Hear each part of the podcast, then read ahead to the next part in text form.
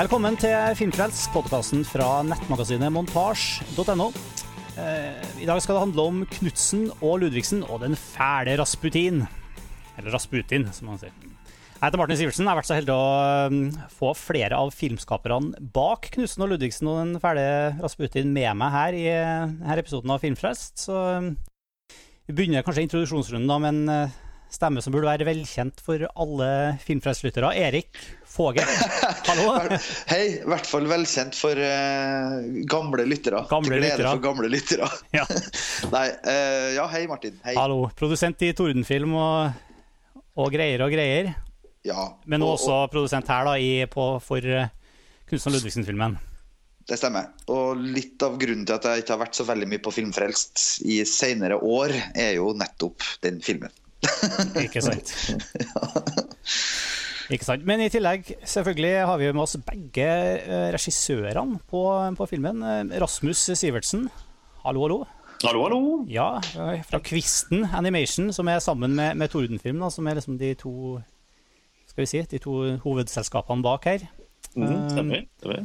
Ja, du har jo du jobba på mye, mye spennende, men Flåklypa-filmene er vel og, det du holder på med akkurat nå? Ja, ja. da nå i innspurten på neste Flåklypa stemmer. Ikke sant. Mm. Og Rune Spans. Hallo, Rune. Hallo. Hallo, hallo, hallo. Tar den, tar den. Ja, regissør. Eh, andre regissør her også. Um, er, er, det, er det sånn mellom dere? Er det en som er som første og andre regissør, eller er det liksom, hvordan snakker dere om det? Eh, er det sånn A og B, eller hvordan funker det? Vi skal vel prøve å være så likestilt som mulig. Ja, Men hvis er den som er mest sliten den dagen, han blir andre regissør. ja nettopp. Veldig sant. Det er også Jeg kan melde meg inn med en gang og si at det, det er jo et topplag eh, å ha med dere to, Rune og Rasmus, eh, sammen på regi. er jo helt vilt. Ja, det, blir- vi, vi brukte ordet mastodonta her tidligere. Det om om mastodonter i norsk animasjonshistorie her. Med, Det er jo en luksus. og merittlista er jo lang her. Jul i Flåklypa var det snakket om, men Pelle politibil har du jobba med. Ja, vi har jo, lagd, vi har jo jobba sammen også før på, på, på en langfilm, altså Pelle-film. Så vi har jo fått eh, Vi varma jo litt opp med den. Mm. Mm. Og du har jo Ja, Kurt blir grusom. Mm. Eh, Rune, du jobba på Slipp Jimmy fri, også en eh, Ja, stor jeg var en kort tur innom der og gjorde Ja. litt animasjon. Ja. Eh, Så jeg skal ikke skryte på meg for mye der, altså, men, men eh, jo da. Jeg, jeg, jeg er vel det man som politiet kaller en, en kjenning i miljøet. En, usual suspect. Ja. Trolljegeren. Den, ja, men jeg ser du, du har også jobba på Den brysomme mannen. stemmer det. Jeg laga, en, jeg laga han der karen som ble kjørt over av en hovedperson ble kjørt over av, av. T-banen. Av T-banen, ja. Det er en fantastisk scene. Uh, Digital Trond Fausa Ørvåg. Ja, Ja. ja, jeg laga 3D-modell av Trond. Men den filmen var du også involvert i, Erik. Mm. Ja. Det var også Tordenfilmproduksjon. Var kollegaen min Jørgen som produserte. Jens Lien eh, regisserte, og Per Skreiner skrev. Og den, den uh, sekvensen der, Rune, den, eh, den uh, satte jo sånne sjokkbølger inn i salen da den ble vist i Kritikeruka i Cannes. For det? verdenspremieren. Det var helt fantastisk, for at folk visste ikke hvordan de skulle reagere. Er det morsomt? Er det grusomt? Er det skummelt? Det var helt sånn der, eh, vill stemning. Så, så hvor bl.a. digitale Trond da var med. Mm. Og for litt most av et eh, T-banetog. Det er første gangen dere er alle sammen på alle tre på samme, samme team, eller? Ja, Ja, det. Det er jo egentlig det. Men samtidig så kjennes det ut som vi har gjort så utrolig mye sammen for at vi har jobba så lenge med det her. Ja, vi begynte, jo med, med, med Knut Ludvigsen lenge før Pelle. Ja, vi, vi møttes vel i slutten av 2008 eller Ja, for jeg skulle til å si det, Erik. Jeg sitter og innbiller meg at øh, altså, vi, altså, du liksom begynte å snakke om det her prosjektet for over ti år siden. Men det er mulig at jeg strekker litt langt nå, men øh, Jeg tror det strekker litt langt, men, Ja. men øh, hvis vi skal ta liksom starten, starten så var jo dette var jo et prosjekt som var basert på et manus som Øystein Dolmen skrev på 80-tallet. eh, som nesten ble film eh, da. Eh, men hvor eh, den ble eh, Prosjektet fikk avslag fordi det var altfor voldsomt for barn. Det var bl.a. en sekvens med en gris. Og det var noen pedagogene og psy- barnepsykologer som mente at dette her var ikke, skulle vi lage. Så det, manuset ble liggende i ei skuff. eller i en skuff. Men det kom faktisk ut ei bok som var basert på det manuset, som heter 'Knutsen og Ludvigsen og den gale bergenser'. Eh, Og den boka kjøpte jeg i 1987 eh, til faren min i bursdagsgave, For jeg ville lese den sjøl. og den har jeg den dag i dag i bokhylla mi med en tegning, en dedikasjon fra Øystein Dolmen til min far. Eh, men det var jo da i 1987. eh, men det var ikke før i 2007 at eh, vi begynte å eh, tenke tanken om å lage en Kunst- og Ludvigsen-film, og vi da kontakta Øystein eh, for å spørre om det. Så at det liksom Startpunktet for filmprosjektet sånn som det foreligger i dag, det var 2007. Men Hvordan kom den ideen, liksom? Hva, hvorfor, hvorfor skjedde det? Det var jo egentlig fordi at eh, det var egentlig to tanker som ble slått sammen over litt tid. Um, for min del i hvert fall. Men eh, det var jo å se Knut Ludvigsen på Øya. Eh, Øystein og Gustav rocka, rocka Middelalderparken i 2006. Og så var jo det en fantastisk opplevelse. Og så har jeg jo alltid vært livslang Kunstner Ludvigsen-fan, sånn som også dere, Rasmus og Rune, i høyeste grad. Eh, og så så jeg at det begynte å bli laga en del eh, Jeg begynte å se en del kollegaer som altså Det var liksom Knerten-filmene var på gang. Det var liksom en del norske barneunivers som på en måte tok det spranget til film. Så tenkte jeg ja, men Knutsen og Ludvigsen er jo bare genialt til film. Fordi det er jo fantastiske karakterer og historier i musikken, og selvfølgelig musikken. Mm. Så Det var egentlig liksom startpunktet, og så viste det seg at eh, Øystein hadde det gamle manuset da, som vi da har jobba videre med. eh, Da. Og så ble gruppa med oss tre ble samla, som du sier, i 2008, eh, da, Rasmus. Og, slutten 2008 eller sånn. ja, det var noe sånt. Men det, men det som var artig, det var jo din forhistorie her, Rune. Fordi da jeg ringte deg første gangen, og, og sånn, så viste det jo seg at du hadde jo jobba med Knutsen Ludvigsen som 3D-animert film i mange år før det igjen. Yes.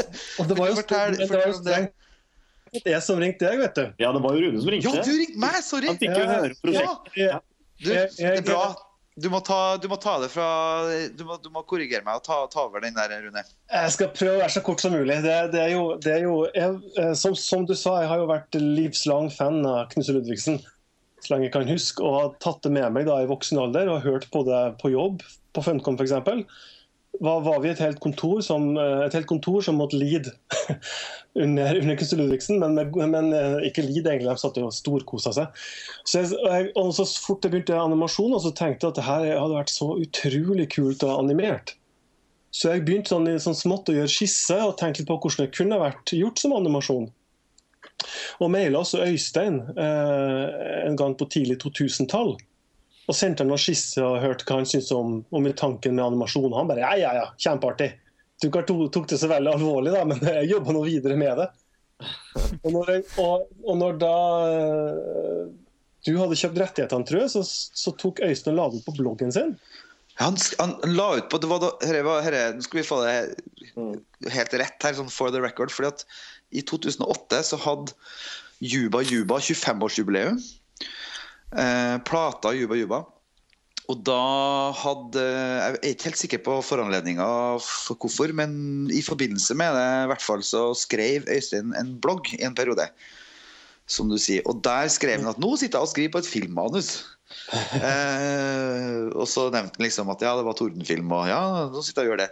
Og da ringte du, Rune. For da hadde Ja, du lest bloggen til Øystein. Jeg var helt ifra- meg. Jeg sa nei, nei, nei, nei, nei. Jeg skal jo lage film. Så jeg ringte jo deg på dagen og sa at det her, det her, vi må ta en prat, for det her har jeg lyst til å være med Det var veldig, veldig bra du gjør, da. Det var jo Ja. helt katastrofe om du ikke hadde gjort det. Mm. Ble det jo sånn at alle fikk være med.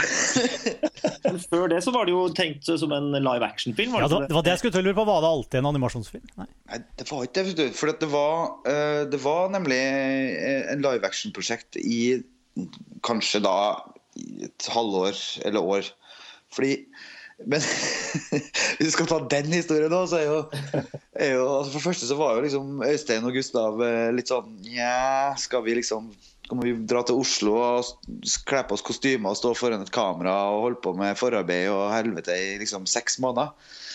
Nja, jeg var litt skeptisk til det, da. Men så, jo, jo, jo, jo, det går bra, liksom. Men så var det faktisk eh, Kosmorama filmfestival var en viktig sånn, brikke her. At det ble det det ble. fordi da var vi en gjeng. Eh, jeg var der eh, altså Kosmorama i Trondheim hadde en sånn eh, noen no, no bransjegreier som jeg var med på. Og så var Øystein der, og så var eh, faktisk din far, eh, Rasmus, eh, også animatør Tor Sivertsen. Eh, og diverse Ja, Gunnar Strøm fra Høgskolen i Volda, animasjonslinja. Masse hyggelige folk. Så satt vi og drakk øl. Og Jo Jørgens på kvisten, eh, som er min gamle klassekamerat fra Trondheim, han var der. Han er jo teknisk sjef hos dere, Rasmus. Mhm, Og rundt det bordet så var det altså så stor animasjonstyngde at eh, det var umulig at da vi gikk derfra og regninga var betalt For vi satt og drakk øl på på, på, på, på hjørnet, som det heter på Britannia hotell. Da vi gikk derfra den kvelden, så var det et animasjonsprosjekt. I løpet av den uh... ja. okay, ja. Så, så det var egentlig sånn der Ja, men det var jo helt genialt. Ja. Eh, og, og, og, og helt naturlig. Og da var jo liksom eh, Etterpå så kan man jo liksom riste på hodet og tenke ja, men hva var det vi tenkte på? Liksom live action med det her? Med det. I hvert fall når man Men- leser manuset. Ja, ikke sant? Var det tenkt som en live action-film? Ja. Nei, det var, det, var, det, var en, eh, det var en ganske kort prosess, det den overgangen der. egentlig. eh, og så var jo da allerede på det tidspunktet eh, tidlig 2008, ja. Og så kom vi liksom Jeg tror vi hadde liksom første liksom, samling med oss. Jeg tror du har rett i at det var i slutten av 2008. Eh, og da hadde vi fått snakka sammen, Rune. Og, og, og du og vi, eh, Rasmus og Kvisten. Og vi var liksom da, da var på en måte gruppa satt. da Så fra 2009 i hvert fall så var det liksom full jobbings. Men det er jo fortsatt Fortsatt, eh, Det er jo også seks år siden det, så ting tar jo tid. Så, så, Taglinen på filmen deres på, på, på plakaten er liksom 'endelig'. Så. Ja, er, det, er det derfor? det er Summerer ganske bra, det. Det er faktisk ganske bra eh, oppsummering. Eh, så til lytterne her, så er liksom, hvis du skal gå gjennom alle de seks årene, så er det bare å knekke enda en øl og ta det. Vi har jo tradisjon for elleve timer lange podkaster her på Filmfest. Nei.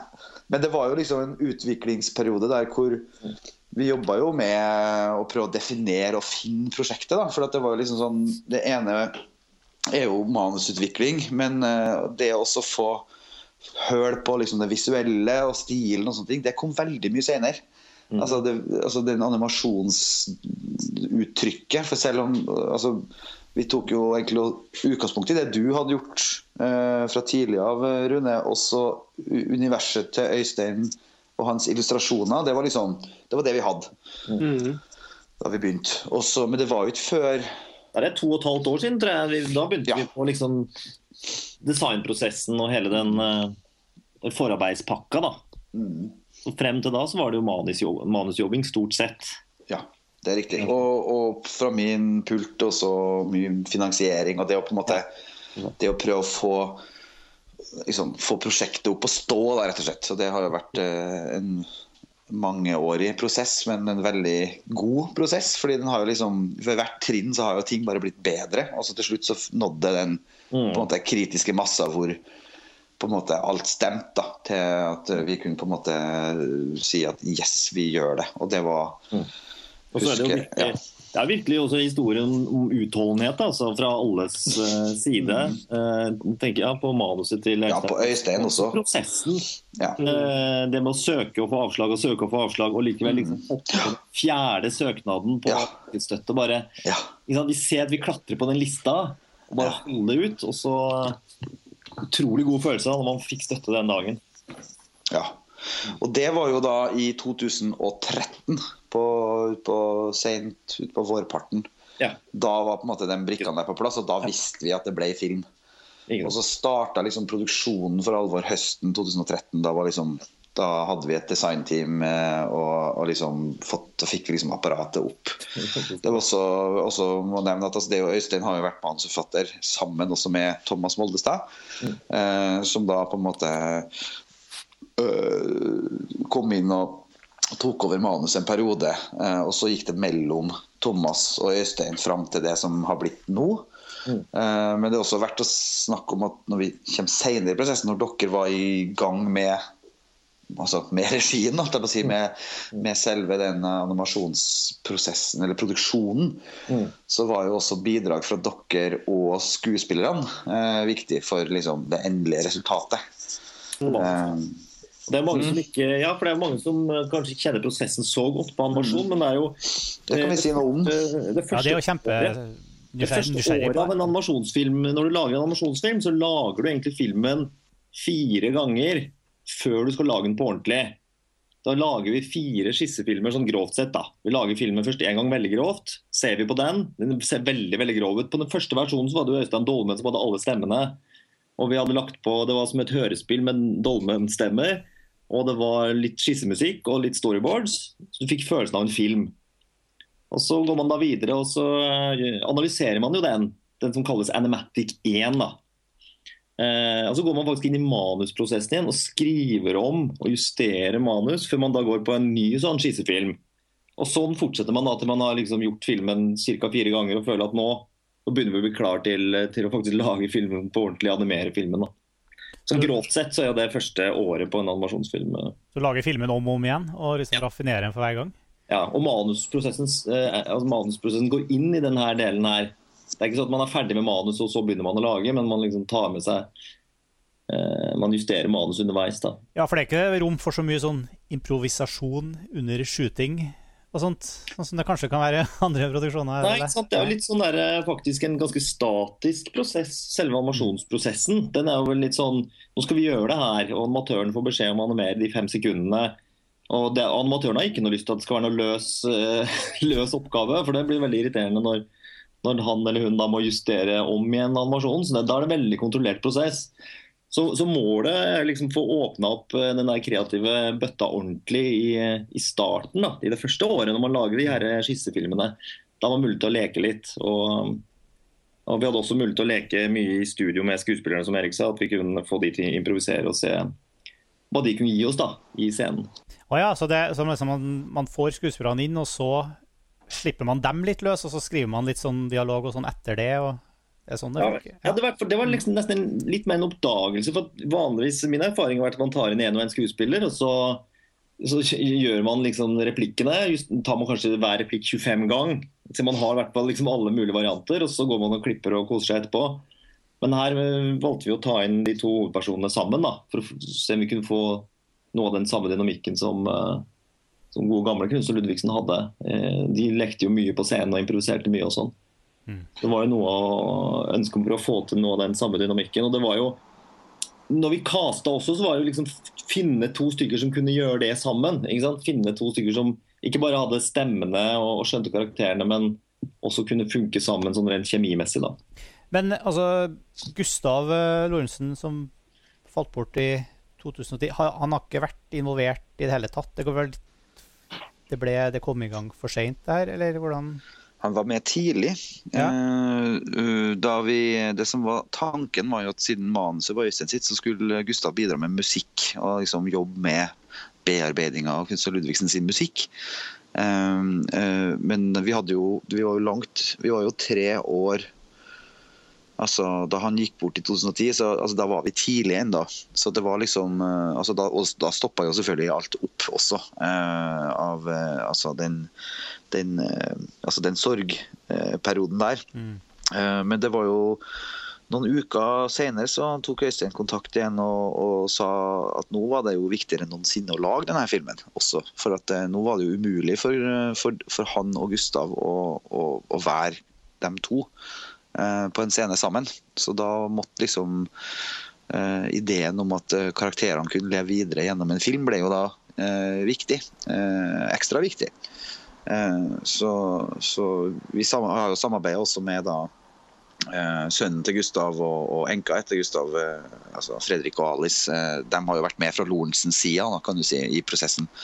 Men, eh, men, eh, men eh, vi hadde ikke kommet ordentlig i gang med å lage filmen da Gustav gikk bort. Det er riktig.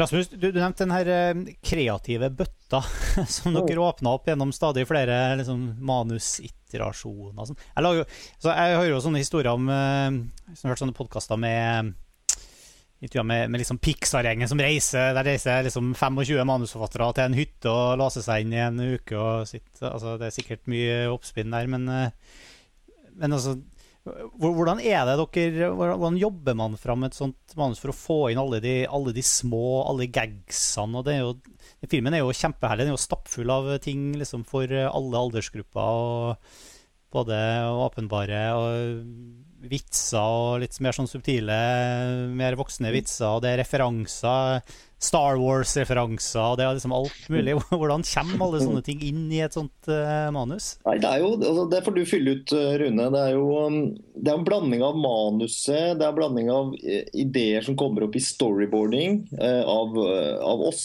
i det manusgruppa og sånne ting, men også de som tegner storyboard for oss, som kommer med ideer. Som, ja, det er litt litt av, fordelen med at det tar så lang tid, egentlig. At, man, ja. at det, er jo, det, er jo, det, er jo, en enorm Det er jo en uh, kappgang av en film.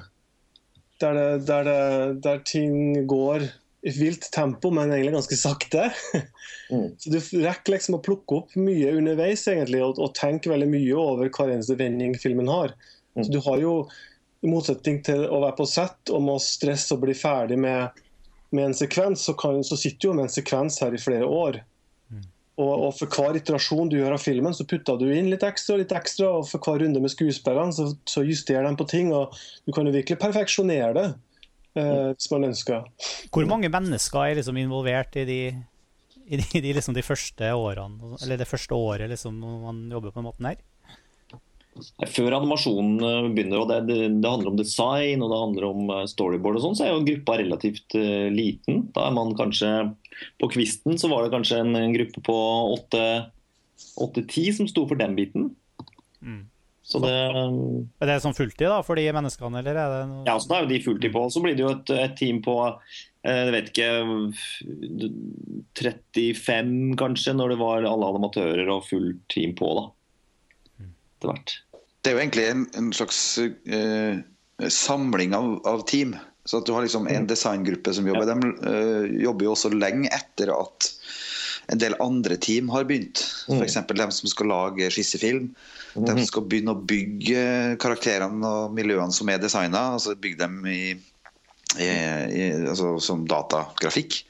Mm. Uh, og når man også det er jo, Mange av tingene er jo ikke ferdig i det um, animasjonsteamet begynner. Så det er vel en seks-sju eh, animatører. Jeg har ikke vært det hos oss. Jo, ikke sant? Mm. Uh, og de siste karakterene var jo ikke ferdig designa.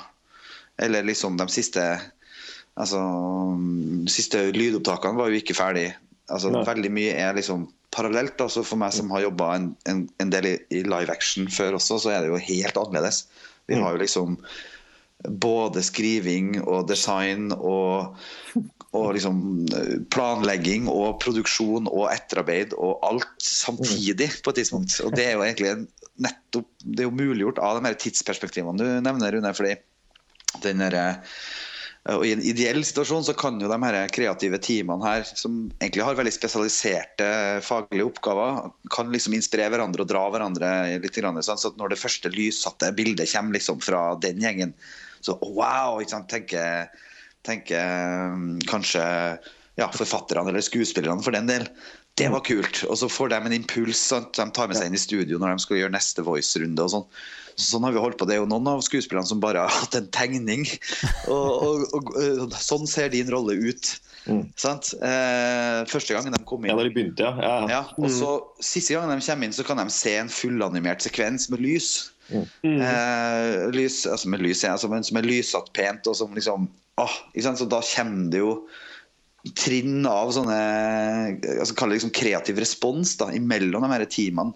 Mm. Eh, Når vi snakka litt med Jon og Herman om det når vi var på rundturen vår med, med filmen i Bergen, og sånn, så sa jo de at at de har vært mye mer involvert i den filmen her enn de kanskje har vært i andre filmprosjekt når du blir ansatt som skuespiller på en film. Som, eh, som, Herman sa, så kan det være at du plutselig får beskjed om bare å dukke opp. Det har ikke vært noen prøver først, og knapt snakka ordentlig med regissøren. og Du får liksom ja, du får på deg den, den drakten du skal ha, og så går du rett på sett og så begynner du å skyte. Men så har de fått vært med å kna veldig eh, roller og scener og har vært inn og ut av studio fire-fem ganger kanskje i løpet av den perioden vi har holdt på. Mm. Så de føler veldig eierskap til det og føler at de har bidratt. Eh, og Det har vært veldig positivt. Altså. Ja, det er Jon Brungot som spiller Knutsen og Herman ja. Sabado som spiller Ludvigsen. Verdt å nevne. Og dem var jo, Jeg tror ikke de kjente hverandre så godt Nei. fra før. Okay. Uh, og det er jo liksom artig, for at de ble jo kasta på basis av prøver som ble gjort, hvor de da faktisk var hver for seg. Mm. Mm. Og, så, og, så, møttes de, etter de fikk rollene, så møttes de første gangen og tok liksom første runde med dialog. Og så ny runde, og så ble de varmere og varmere i trøya. Og det ble jo bare villere og villere, de øktene der. Etter hvert som de fant karakterene og kjemien imellom dem. Mm. Det er ganske kult å høre, så jeg tror at veldig Utrolig det. Ja. Uh, igjen er jo sånn Jeg tror første økta med dem altså Hvis vi sier at hele fra vi liksom sa at nå lager vi film, til nå har vi laga film, mm. at det var nesten to år. Mm. Mm.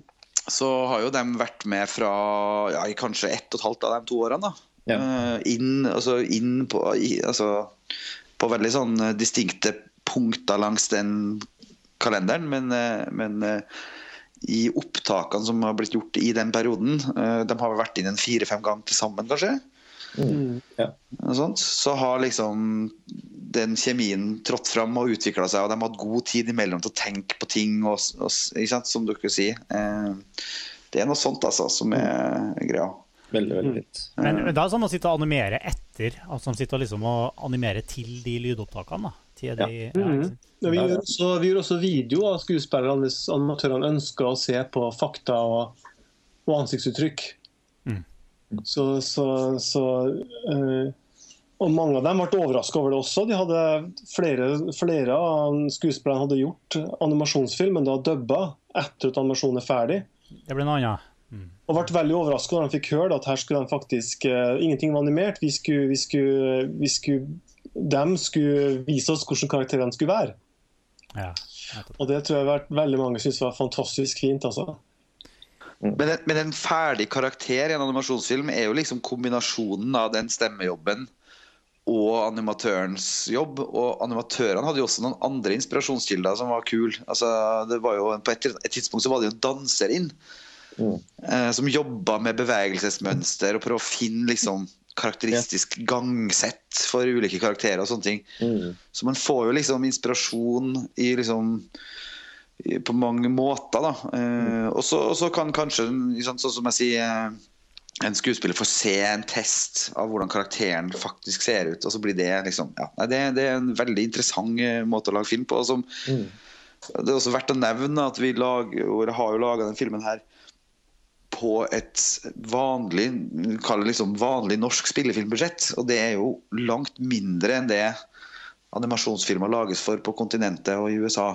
Mm. Um, og litt av grunnen til at det har gått an, er jo den derre det at alt gjøres under ett tak her i Oslo, eh, hos Kvisten. Eh, er det for få unions? ja, det kan, du, det kan, du, si, men, men, men, tanken er jo at, at dere som regissører har jo anledning til å poppe imellom de her teamene som sitter i hver sin del av bygget. Mm. Eh, veldig effektivt. En effektiv måte å produsere på som har kommet av nødvendighet. og som dere har gjort både på den forrige Pelle-filmen eh, sammen, og, men også en del av teamet har gjort fire filmer. Mm. Og er på samme arbeidsplass fortsatt og har med andre ord med seg erfaringer fra fire filmer når de starter med vår film. Mm, ja, ikke sant. Og det er sånn ekstremt viktig. Og så er jo Kvisten-teamet også bygd ut med veldig flinke folk uh, som kommer utenfra. Mm. Så du får liksom den der, både den erfaringa fra før og den nye impulsen mm. uh, som kommer med, med, folk som har uh, liksom bygd ut de her gruppene. Mm. Eh, men det er også, jeg syns også det er verdt å bare ta opp det her med Som sikkert veldig mange har lurt på, liksom hvordan vi greip an musikken. For, for fra manus av Så det, det, var jo liksom det gamle manuset til Øystein fra 80-tallet hadde ikke så mye musikk. Eller, eller, i hvert fall ikke så mange av de kjente låtene. For det handler jo litt om at Kuster Ludvigsen og Øystein da på den tida ønska kanskje å gjøre noe annet mm. Med det universet enn liksom uh, det de var kjent med for mest. Så det var jo en prosess over flere år, det der med å integrere musikken og spille kreativt med det på, på manusplanet. Men så var, kom jo også tida til å finne ut av hvordan skal vi løse det som musikk i en film. Uh, og, og, der var det jo det, det er jo Kåre Kristoffer Westerheim som er filmkomponisten og musikkprodusenten som på en måte har knekt den nøtta, føler jeg veldig. da uh, Og det som var vanskelige dilemma for oss, var jo om vi skulle Spille inn på nytt? Ja, for folk har jo så sterke minner og så sterke følelser for mye av eh, ja, innspillingene. For det, for det, det står jo her på den lista, altså hvorfor spiller dere inn de låtene ja. uh, på nytt? For jeg reagerer jo hver gang jeg hører en liten nyanse i låta som ikke er akkurat sånn som jeg husker den. Ikke sant? Hvorfor akkurat Her er det litt annen twist på den soloen, eller her er, jeg, jeg, hører at det ikke er samme låta. Uh, ja. I uh, Ja. Det, det, er for litt den Men hva, det er noen grunner til det, sikkert? Ja. ja. Det er jo en av, de, en av grunnene er jo, er jo, at vi har nye stemmer mm. på karakterene.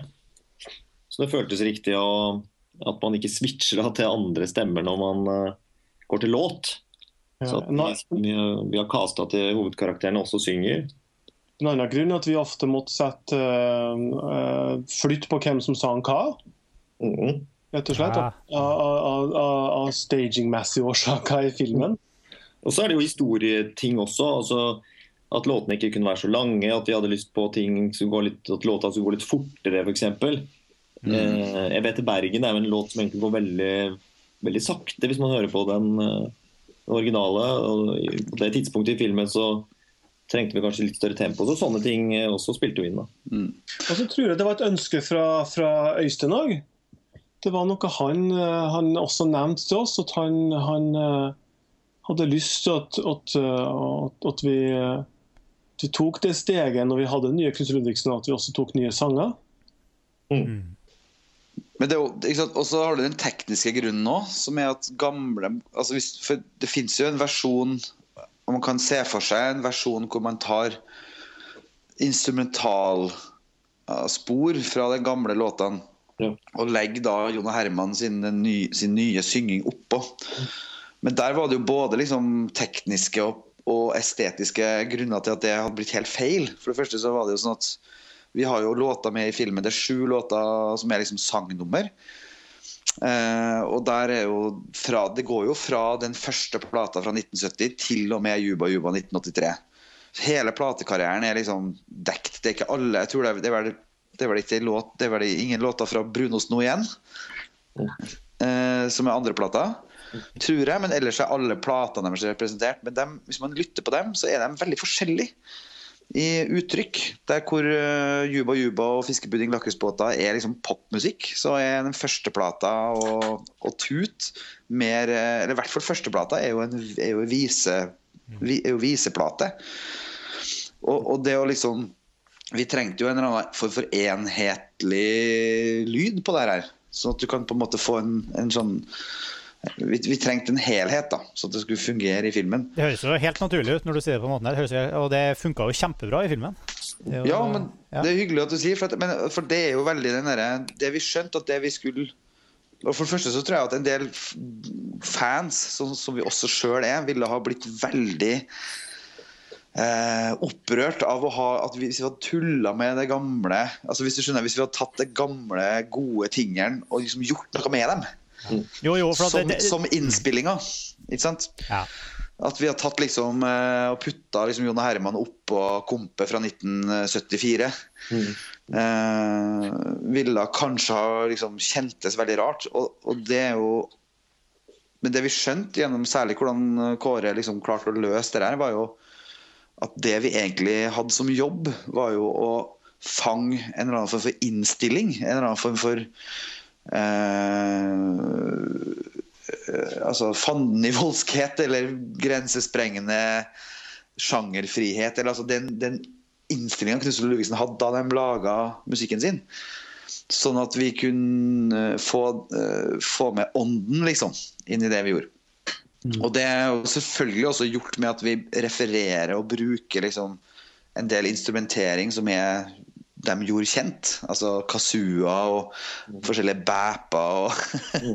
litt sånn tull, tullegreier som er veldig deres signatur. Det har vi jo brukt veldig bevisst. Men det, samtidig så har jo vi har en slags sånn bluegrass-greie med banjo og, og, og, det er noe trekkspill og, og sånne ting. Så, så liksom det er Det var liksom jo, jo lenger vi kom i arbeidet med filmen, jo smartere syns jeg sjøl at det valget var. For at filmuttrykket, animasjonsuttrykket, er helt nytt, men basert på noe kjent. Mm. Og det samme var musikken. Mm. Det hadde sikkert oppfattes Det hadde sikkert blitt veldig rart og schizofrent hvis vi hadde fått alle de forskjellige gamle opptakene fra, som du sier, fra de forskjellige periodene, de forskjellige albumene. Mm. Eller enda, ja. eller enda, verre, det kunne godt ha gått helt andre veien. At, at vi hadde sittet med en produsent som hadde sagt nei, vet dere hva, låta må moderniseres, de skal rappes opp. det kan jo fort gå den veien òg med film. Ja. Housebeat og rapping på alt. Ja, så jeg er veldig glad for at vi har, eh, vi har liksom beholdt um, ånden de har gjort i dag. De er liksom uh, lekete og analog.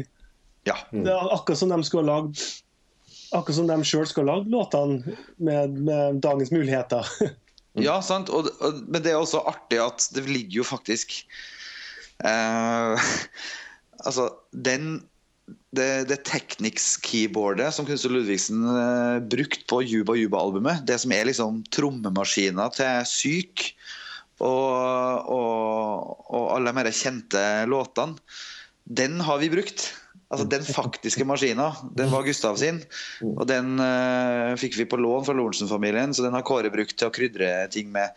Så det er liksom for dem som er virkelig kjent med Knut Ludvigsen sin musikk, så er det masse sånn godtepose i filmen, også i ikke bare i låtene, men i filmmusikken, hvor, hvor vi bestemte Det var også et kreativt valg vi tok uh, i fellesskap, at all filmmusikken skal ha rot i Knut Ludvigsen-melodier. Mm. Og da har du sånne ting som aldri har skjedd før, nemlig at Knutsen Ludvigsen-låta brukes til sånn chase-musikk. Mm. Og til spenning og til liksom filmscore da, på klassisk maner, liksom. Mm. Men det er melodiene. Eh, Jeg la merke til det, faktisk, ja. at flere melodier som var kjent igjen i helt andre tempoer og sånt, men det, det var kjente melodier i bakgrunnen. Men, det, men det, det alltid fargelagt av situasjonen i filmen og karakterene i filmen. Så at for eksempel, det er jo flere Uh, altså det, det, er jo noen karakterer, noen bikarakterer som dukker opp uh, midtveis som er noen sånne nordnorske rotter. Mm. Og der er det sånn, De har jo sin tar jo med seg en instrumentering når de er aktive i filmen. Men det er fortsatt Kunst og Ludvigsen i bånn. Uh, så det er noen sånne, sånne, valg som er tatt.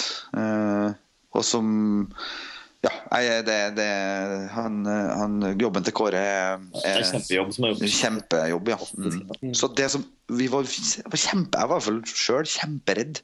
Hvordan skal vi gripe han her? Og så viste det seg at svaret var jævlig lett. Det var bare ring Kåre. så vet han. Nei, men, det, men det, det, er i hvert fall en, det var en stor prosess med musikken, naturligvis. Men, men, uh, men du, mm. Ja, vær så god. Nei, du nevnte nordnorske rotter. Ja. Der må jo kjempe Selvfølgelig fiskere og, og sånt der. Men, men, men eh, vi må jo bare innom det. Altså, Bergen får gjennomgå. De, mm. Uh, og noen er jo at Bergen får litt, kanskje litt vel mye gjennomgå. Ja, én mener det. Én mener Nei uh, Bergen det er liksom til skikkelig De er zombier og uh, fiske vi, vi, viste jo filmen i Nå blir jo her spilt inn noen dager etter den norske premieren. Og for cirka, jo, for ei uke siden i kveld så var vi i Bergen. Mm. og viste, jo, viste jo filmen for bergenserne. Og da vi husker da vi kom inn til byen, så var vi nervøse. Fordi herregud, blir vi liksom lynsja i kveld? Men uh, mens vi var der, og bare liksom noen få timer før liksom, filmen skulle rulle for første gang på et uh, uforvarende bergenspublikum, som uh, da var, skulle se var jo, Filmen var jo åpningsfilm på, på BIFF, Bergen internasjonale filmfestival. Så kom de bergenske avisene med kritikken av filmen. Og det var terningkast fem i Bergensavisa og terningkast fem i, i BT. I Bergenstiden. Og da Det var OK, greit. Da, for dere da, var litt nervøse for at dere har vært litt drøye med Bergen, eller? Nei? Det, det er kalkulert risiko. Nei, men, men dere kommer jo fra designet på bergenserne kommer jo fra ting Øystein faktisk har tegna uh, sjøl. Altså ideen. Og så har jo Det var Olve som laga dem ferdig, var det ikke det, Rune? Det stemmer, ja. Ja, ja, ja. Også Olve Askim, som uh, var art director på filmen. Men og hele den ideen om Bergen som mordor, liksom, det lå jo i manus fra før. Ja. Det er jo liksom Øysteins uh, kjærlige spark til hele byen og innbyggerne. Men, uh, men uh, Og Gustav òg, sant. Altså, 'Jeg vet til Bergen', som er en veldig sånn Gustav Lorentzen-låt, den, den er jo egentlig en nidvise. Men bergenserne elsker jo den. så, så, vi tenkte at dette her er helt i tråd med, med universet. Liksom, kan, vi kan ikke holde tilbake på det her, liksom. Det blir bare morsomt, og det syntes heldigvis bergenserne òg. Men vi er jo et poeng av det i filmen, da, at det er jo Bergen er jo så grusom mørken. Det er jo de radioaktive regnet fra hans sky som gjør at de har både fått usunne trekk og og så videre. Skurke, skurkens skyld at det har blitt sånn. Ja. Ja. Det er jo det filmen handler om å redde Bergen, ikke sant? At det, Ja. Ja. For solskinnet kommer. Ja. ja. Og, og, og det er jo um, Ja, helt rett. Det er jo Rasputin sin skyld. Og han er jo han er ikke bergenser. Det er noen, eh, noen anmeldere ellers i landet som ikke helt har skjønt dialekta til Rasputin. Men uh, han er vel uh, Norheimsunds store sønn. sønn. Mhm. Uh, og som da er en sånn bisarr greie greie fordi skuespilleren som spiller stemmen Frank Kjosås, han er fra Øystese. Eh, også i Hordaland, riktignok. Riktig Men så har jeg skjønt at det er en sånn byrivalisering, eller by eller bygd, eller jeg vet ikke hva vi skal kalle det. Men mellom Øystese og Nordheimsund så er det veldig sånn rivalisering. Så da skuespilleren kom fra Øystese, da måtte skurken, karakteren, komme fra Nordheimsund. Han er innflytter, da, i hvert fall. Men, eh, men som du sier, var innom eh, altså, terningkast fem, selv i Bergen. Det, det har jo vært eh, Mottagelsen her har vært fantastisk. Eh, hvert fall så, så vidt jeg kan se. Og det, jeg regner med det har vært en eh, altså, Gratulerer meg å si med en, med en premiere og en eh, Jeg regner med en åpningshelg som har vært uh, super. Jeg tok med meg hele familien, og alle hadde det helt fantastisk. Og det var liksom uh, Det var vel all grunn til å være fornøyd med denne lanseringa, eller premieren. Ja. Absolutt. Og jeg tenker at det, det som er så artig å se nå, også at eh, altså, vi, det her er Sånne ting er jo liksom Man kan sitte og se på kinotall, og så kan man liksom spekulere i hvorfor er det sånn eller sånn. Men, Ja. men, eh, men vi tror jo at det går an å lese ut av kinotallene at, at det her er en film som folk anbefaler videre. Altså at, eh, at folk har det gøy på kino og sier 'den må du se'. Og det er jo ingenting som gjør oss som lager film gladere enn det. For vi vil jo liksom Eh, Det er jo på en måte for oss en slags sånn bekreftelse på at noen eh, publikummere syns at vi har løst oppgaven. da. For det har liksom vært en sånn bør Ja, det blitt en knallgod familiefilm. Ja, men Det er hyggelig at du sier Martin. Men, eh, for at, ja, men altså, vi skal, vi og en hel gjeng med folk Vi, jo, vi har telt opp, det er liksom 150 mennesker som har bidratt smått eller stort til denne filmen. her Har jo liksom forvalta noe som vi har så nært forhold til. Så det er så ekstremt viktig at vi ikke liksom tuller til den sjansen på et eller annet vis. Ikke sant? Både altså det å det å adaptere Knut Ludvigsen universitet til animasjonsfilm. Så det, vi føler vi puster litt sånn letta ut på det nå. Og, og, og, men det er jo også sånn at en film eh, blir jo egentlig til i møte med sitt publikum. Så at vi har ikke lenger noe kontroll på, på, på filmen. Den er ferdig sånn som den er, det, Vi har sendt den fra oss når den måtte sendes fra oss. Eh, og etter det så, så er den ute der og, og, og, Ja, men, men samtidig så må jeg jo spørre, for det er jo en film som sier ute, men altså, det er jo en dere har jo også lagd et eh, Eller i hvert fall fått, fått laga, eller hvordan altså, det er jo mye rundt det. Det er jo et spill, blant annet. Det er, altså, og når man lager noe sånt her, det er jo sikkert hvert tilfelle med Pelle politibil, og altså, ikke minst Jeg skal ikke gå inn på Flåklypa-historien, men, altså, men altså når man lager noe sånt som Knutsen Ludvigsen, så er det, spill, er det kanskje andre ting òg? Altså, kanskje er det merchandise som kommer her? Hva, dere, er det andre ting rundt filmen som, som også jobbes med? Jeg har ikke helt Altså, hva slags apparat er det egentlig dere har satt i gang? her? Kommer det TV-serier nå framover? Med... ja. Hva er det vi har satt i gang? Hva i verden er det? Er det en ny sånn bølge med Knutstad Ludvigsen-ting vi har men det, det, er, det, er, noen sånne ting. Uh, altså, Øystein sjøl Hva sa du, Rasmus? Nei, Det er ganske beskjedent med ting, egentlig. Vi sitter jo og leser boka hjemme nå. Ja. Som har kommet òg. Filmboka. Mm. Den er morsom for dere å lese, sikkert Rasmus og Rune. For det er jo Øystein har jo adaptert det her er morsomt, Øystein har adaptert filmen som dere har regissert. Ja, stemmer det. Eh, som er basert på et manus han og Thomas Voldestad skrev. Som er basert på et manus som Øystein skrev, som ble ei bok. Og så liksom sånn og så er det bok igjen. Mm. Uh, Kjempeartig, for han har jo fiksa på ting. Han har jo liksom uh, løst scener litt annerledes og lagt til litt ting. og Du å se. Mm. Veldig artig å lese, altså. Men, men, det som er perspektivet vårt litt, er jo at Kunst og Ludvigsen er jo alt uh, Altså, hva skal jeg si? Det å lage en spillefilm for et stort familiepublikum eh, har en prislapp. Altså, det koster penger, og det er liksom man, automatisk så er man i en eller annen form for kommersiell virkelighet. Sant? Og er det én av de verdiene som Knutsen og Ludvigsen alltid har hatt, så er det jo at de på en måte ikke forholder seg til det i hele tatt. Altså Øystein og Gustav jo liksom, hadde jo i sin karriere liksom alltid bare gjort ting etter innfallsmetoden. Alltid bare liksom eh, spilt, som de sier, liksom sånn eh, altså Ordet målgruppe er jo liksom De tenkte jo aldri på det. De bare skjønte at halve salen var voksne og halve salen var barn.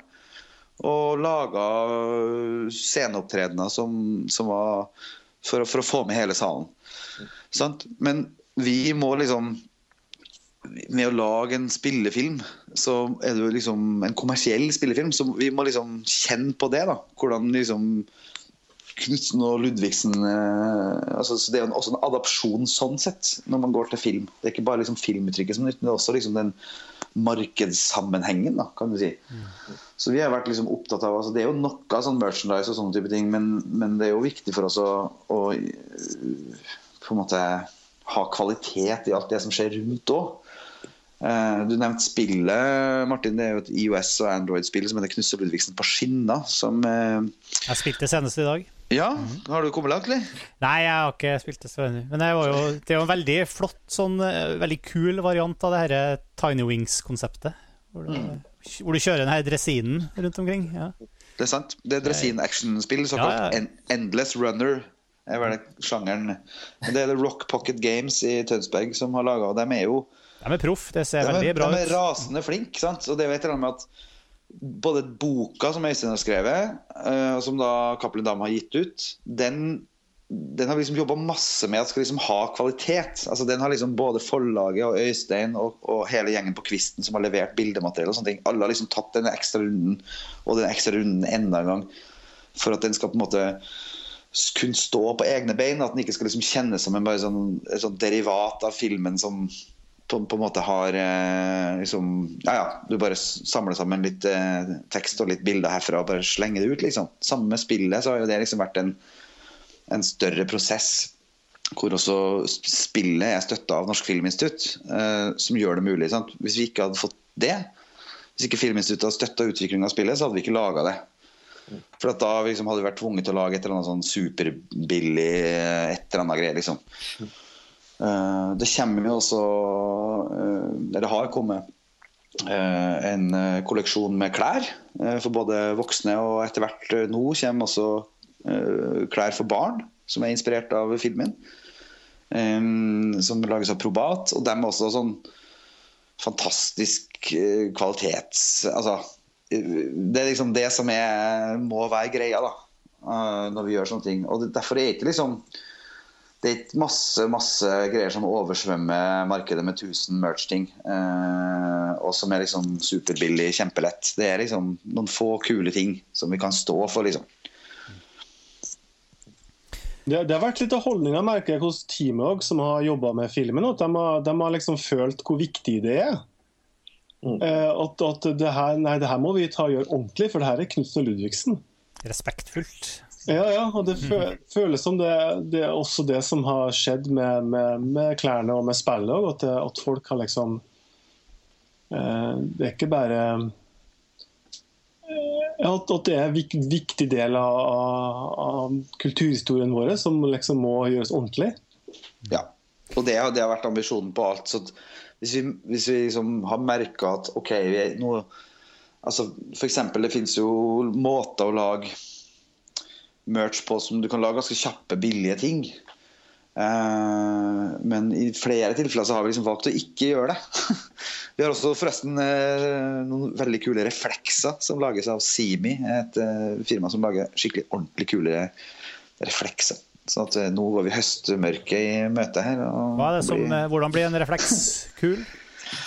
Nei, med at den lages av fagfolk, da. Ja. altså, det er jo liksom Det er jo det det handler om. Ja. Men du, um, um, skal filmen ut i verden? Hvordan er interessen for Knutsen og Ludvigsen i, i utlandet? Det er jo ukjent territorium. vet du. Mm. Uh, kunnskapen om Kunstner Ludvigsen stopper på Svinesund. Ja. Uh, og, men heldigvis så er det jo sånn at altså, ba, altså barne- og familiefilm fra Norden har liksom Som kategori så er det, liksom, det er kjent at det er liksom det er kvalitet. Så vi har jo liksom uh, Vi har interesse fra utlandet, og vi har et salgsselskap som jobber med å lansere filmen internasjonalt. Eh, og Det innebærer jo noe som er kanskje enda større sånn C-moment når du skal adaptere noe som er Kunst Ludvigsen, det er å oversette til engelsk. Ja, For da snakker, jo, vi snakker vi jo om ikke bare liksom karakterer og dialog, men vi snakker om låtene. Mm. Så det er jo noe vi jobber med nå, er jo den der engelske versjonen av ting. Og det er jo noe som vi selvfølgelig da involverer eh, Øystein veldig tett i også. Men det er jo det er ikke, det er ikke noe som det får, ikke, det får, ikke, en sånn ordentlig lansering før neste år. Men det skjer helt sikkert? Det skjer helt ja. sikkert. Yes, den skal ut.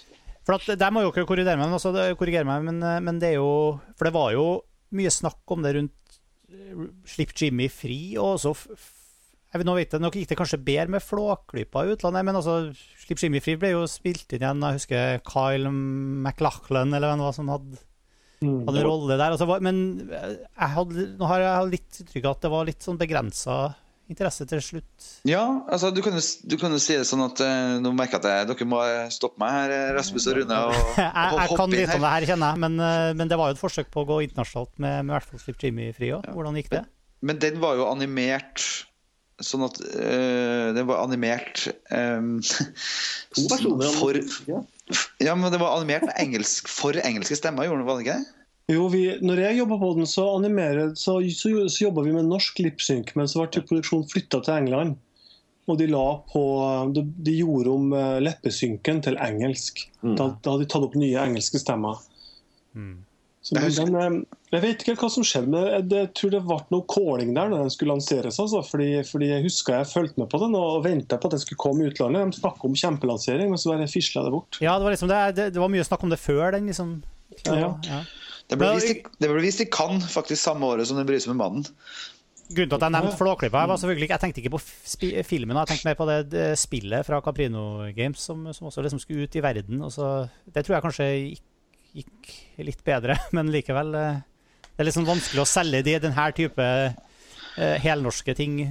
Men det, men det, er jo sånn, ja. Du har liksom et valg der da, når vi som lager filmen, har et slags sånn valg om vi skal henvende oss til hjemmepublikummet eller utepublikummet. Eh, på et eller annet vis. Og det er liksom sånn, Vi har vært helt kompromissløse på at det her er jo en film som skal være så Knutsen og Ludvigsensk som mulig. At Hvis du skal liksom ta ideen om to kompiser som bor i en tunnel med en grevling, og tenke eksport med en gang, da, da, da, hadde liksom, da, hadde filmen vært utrolig mye mer sånn generisk. Da, da hadde liksom filt bort veldig mye sånne skarpe kanter som er det kunstneriske ludvigsenske, som er kjent her, men ukjent ellers. Men så er det jo det der med at spesifisitet er jo noe av det som gir kvalitet. Sånn at det som gjør uh, Det som eventuelt gjør at filmen kan fungere i utlandet, er jo at vi har holdt på særheten. Mm. Ikke sant? At vi har uh, uh, laga noe helt eget i stedet for å prøve å etterligne uh, amerikansk film eller tysk film eller sånn. ikke sant? At man lager mm. ja. så, så, det er jo liksom Jeg tror jo det der henger veldig sammen, da. og, og og at publikum eh, internasjonalt liksom, Er det morsomt, så er det morsomt. Så er det liksom noen referanser som er helt umulig å ta. Men eh, jeg tror at liksom kvalitet og humor reiser. da Og så er liksom hele det Knutsen Ludvigsenske universet som mange norske publikummere har med seg innbygd når de setter seg ned og ser filmen. Det gir jo selvfølgelig en ekstra dimensjon. Men filmen må jo også fungere som film, uavhengig av det. Mm. Også for barn i Norge som kanskje ikke har noe eh, ikke har et like sterkt forhold til det som foreldrene har. ikke sant? Mm. Det blir fryktelig spennende å se hvordan ja. de møtes der. ute, fordi det, er jo, det, som, det som vi tar for gitt, liksom, to fyrer så klart bor de i en tunnel, vil jo være veldig spesielt. Og originalt, sikkert. Så det er jo, det er sikkert mye mer kvalitet enn kanskje vi er klar over også. Mm. Det må bli en oppfølgingspodkast om eh, et halvårs tid. Der så skal ja. vi høre hvordan det går med Knut Ludvigsen i utlandet. Men det er jo noe som Øystein og Gustav aldri gjorde. De, de, de, ble vel oversatt til svensk. Det var en svensk visesanger på 70-tallet som likte Knut Ludvigsen veldig godt, og som gjendikta en del av det. Så laga vel også Sveriges Radio en svensk versjon av det opprinnelige hørespillet fra 1970. Okay. Uh, den har jeg ikke hørt ennå, men det var morsomt for Øystein fortalte at, at uh, det var jo altfor farlig at to karer skulle bo i en tunnel. Der går det jo tog. Så i det svenske hørespillet så bor Knut Ludvigsen i en jernbanevogn på et sidespor. Ja, ja. For i filmen deres så kjører jo toget rett gjennom soverommet. Med den største selvfølgelighet. ja. Nesten uten å lage lyd engang. Ja. Mm. Ja, ja. Nei, men det, det blir vel det blir, Dere har Det blir spennende å se om det er noe Om det er noe Ja, hvordan verden tar, tar det her. Ja, det ja. lurer jeg jo på, med masse bæsjehumor og bergensere. Og det er jo galskap. Det er jo helt vilt. Og det er jo det som gjør at det er Kunstner Ludvigsensk på et vis. Jeg er spent på om de kommer til å liksom eh, finne en bergensk by i sitt land, eller om de kommer til å si at filmen foregår i Norge. ja, ja, ikke sant. Hva de må ta når de begynner å oversette. Det blir artig å se. Hvert land finner to sånne byer som har mm. sånt, sånt forhold. Men, og det har ikke vi helt kontroll over heller. Du, for det vi lager er jo, eller det vi har kontroll på, er jo den engelskspråklige versjonen. Det er den som på en måte blir shoppa rundt. sant? Men når den spanske eh, distributøren som kjøper inn filmen til Spania, kommer også til å sette seg ned og lure på hva i svarte Hva skal jeg gjøre med det her? Så kanskje det blir liksom Og den russiske dubben og Ja. Så altså, det, er liksom, det er sånne lag der som vi, vi, er jo ikke herre over det. Og noe av det morsomste som går an, er jo å få sin egen film eh, tilsendt på Blu-ray eh, med liksom eh, tysk og fransk dub. Eh, altså, det er jo helt absurd. Har, har dere opplevd det med Pelle, f.eks.? Ja, har, Det er jo veldig morsomt. Det ligger jo et klipp ute på, på YouTube der du ser Pelle bli dubba, og da er jo Pelle blitt uh, dame. En, en, en sørkoreansk dame som spiller Pelle der. Ja. og så har du Oda-karakteren, Oda som er en jente, Pernille Sørensen i Norge. Det er en mann. Tar, wow. Du har ingen kontroll når det kommer ut der i verden. ja. ja. ja hva, vi må begynne å, begynne å bare høre litt sånn hva, hva skjer nå for, for, hver enkelt av dere? Hvor uh, nye Premieren har jo vært nå. Da er det, det blir ikke noe ferie på uh, kreative folk som dere. Dere jeg hørte Ruskan at du var spesielt busy, Rasmus, med, med både ny Flåklypa-film, som selvfølgelig må ut til jul, og også Dyrene i Hakkebakkeskogen. Hvordan blir det? Det har jeg hørt så mye om. Nå driver vi jo ettersynken på Flåklypa nå, så den eh, skal jo da ut uh, første juledag, ja, stemmer. Men den er, der er jo animasjonen ferdig og sånne ting. Så, så det er det siste, siste innspurt på den. Og så har vi begynt, eh, begynte vi opptak på Akebakkskogen i går. Da begynte vi å animere på den. Juhu! Yeah. To liksom, kort forklart, hvordan, hvordan blir, hva slags type prosjekt er det? Hvordan, for oss eh, som ikke har hørt så mye om det? ja det blir også altså det blir en, eh, det blir en stop motion-film på samme måte som um, Flåklypa-filmene. Så det blir en klassisk dukkefilm. Ja. Men var en helaftens uh, kinofilm med den kjente historien, da. Uh, Hakkebakkeskogen. Mm. mm. Hva, hva, hva snakker, ja, den begynner liksom, når, når, blir den ferdig? Når får vi se den? Den skal vel på kino neste om et års tid. november Nei, romjul neste år, tror jeg. Ja. Mm. Det blir veldig det, var, tar sånne, det kommer jo sånne norske helnorske fenomener til, til filmen. Det, det, er liksom, det, det, er det dere gjør nå. mm. Ja, det har vært noen av de. Mm. Det er supert. Enn du, Rune? Hva er, hva er neste for deg? Hva, hva jobber du med nå? Jeg og gjør ferdig uh, min første kortfilm. Ja. Som, er, som, er, en uh, samarbeid jeg gjør med en canadisk kunstner som heter Dave Cooper. En Kunstner og undergrunns-tegneserieskaper. Hva slags film blir det? Uh, ja, hva skal jeg si? Det er en slags uh, Det er en uh, romantisk horrorfilm. om en figur som heter Eddie Table som uh, går seg vill i et skog og møter uh, noen uh, parasitter og noen monster, og, blir, og møter også sin store kjærlighet. det hørtes ganske crazy ut, da. Det er, en, det er et, et, drømmeprosjekt for meg, det er også. Akkurat, akkurat som Kunstner Ludvigsen. En, vært, en, en, en kunstner jeg har vært fan av i, i over ti år, som jeg har fått sjansen til å jobbe med. Kult. Det blir helt vanvittig, det kan jeg bare si. Ja, ja. Nei, men det, det, det, det er helt uh, vilt. Så det er jo en fin, uh, fin uh, ja, avveksling på et eller annet vis. Det er noe helt annet. Men i samme, i samme teknikk. Dataanimasjon. Mm. Og samme crazy-nivå. Enn du, Erik? Hva Jo, jeg jobber med en dramaserie som vi er i opptak med noe som heter Valkyrien, som kommer på NRK i 2017. Så det er også et lang, langprosjekt. Altså, som da uh, ja, spilles inn uh, i, i, og rundt Oslo akkurat nå. Uh, med Sven Nordin i hovedrollen.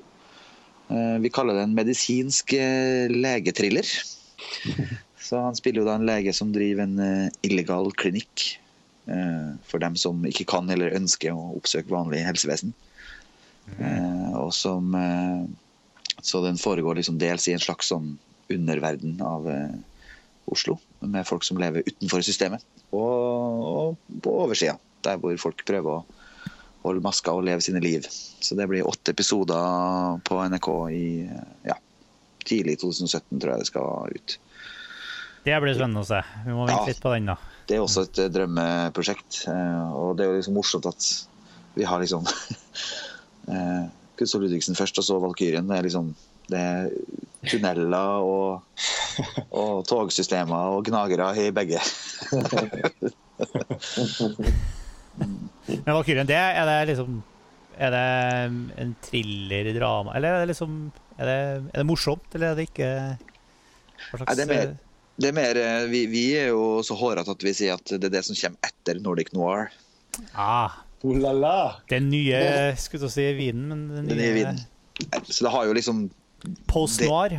Ja, post noir. Eh, for det, det, er jo, det, er jo, en dramaserie. Det er jo, det er jo mm, altså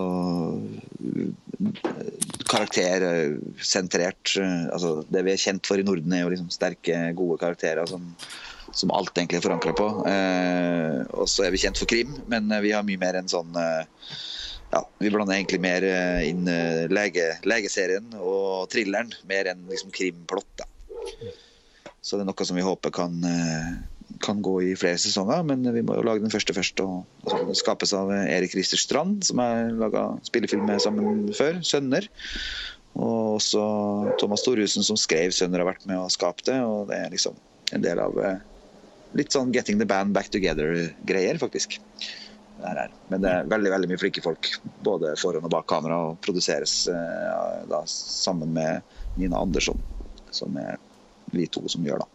Det er jo ikke mulig å gjøre både Kunst og Ludvigsen og en stor dramaserie samtidig og være én. Så jeg har jo, har jo eh, en flink medprodusent på Kunst og Ludvigsen som heter Ingunn Sundelin, og Nina på, på Valkyrien. Det blir superspennende å se. Jeg tror jeg skal si eh, tusen takk for laget nå, folkens. Det var kjemperealt at dere hadde anledning til å være med på denne episoden av eh, Filmfrelst. Og, takk, det samme. Og tusen takk for en flott film. Takk igjen. Det blir vi kjempeglade for å høre, så klart. så håper jeg det kanskje blir en anledning til å ha dere med tilbake som gjester senere. Gjerne. Filmfrelst er tilbake om uh, kun kort tid, forhåpentligvis. Vi kommer plutselig tilbake som vanlig. Til da, takk for i dag. Og takk.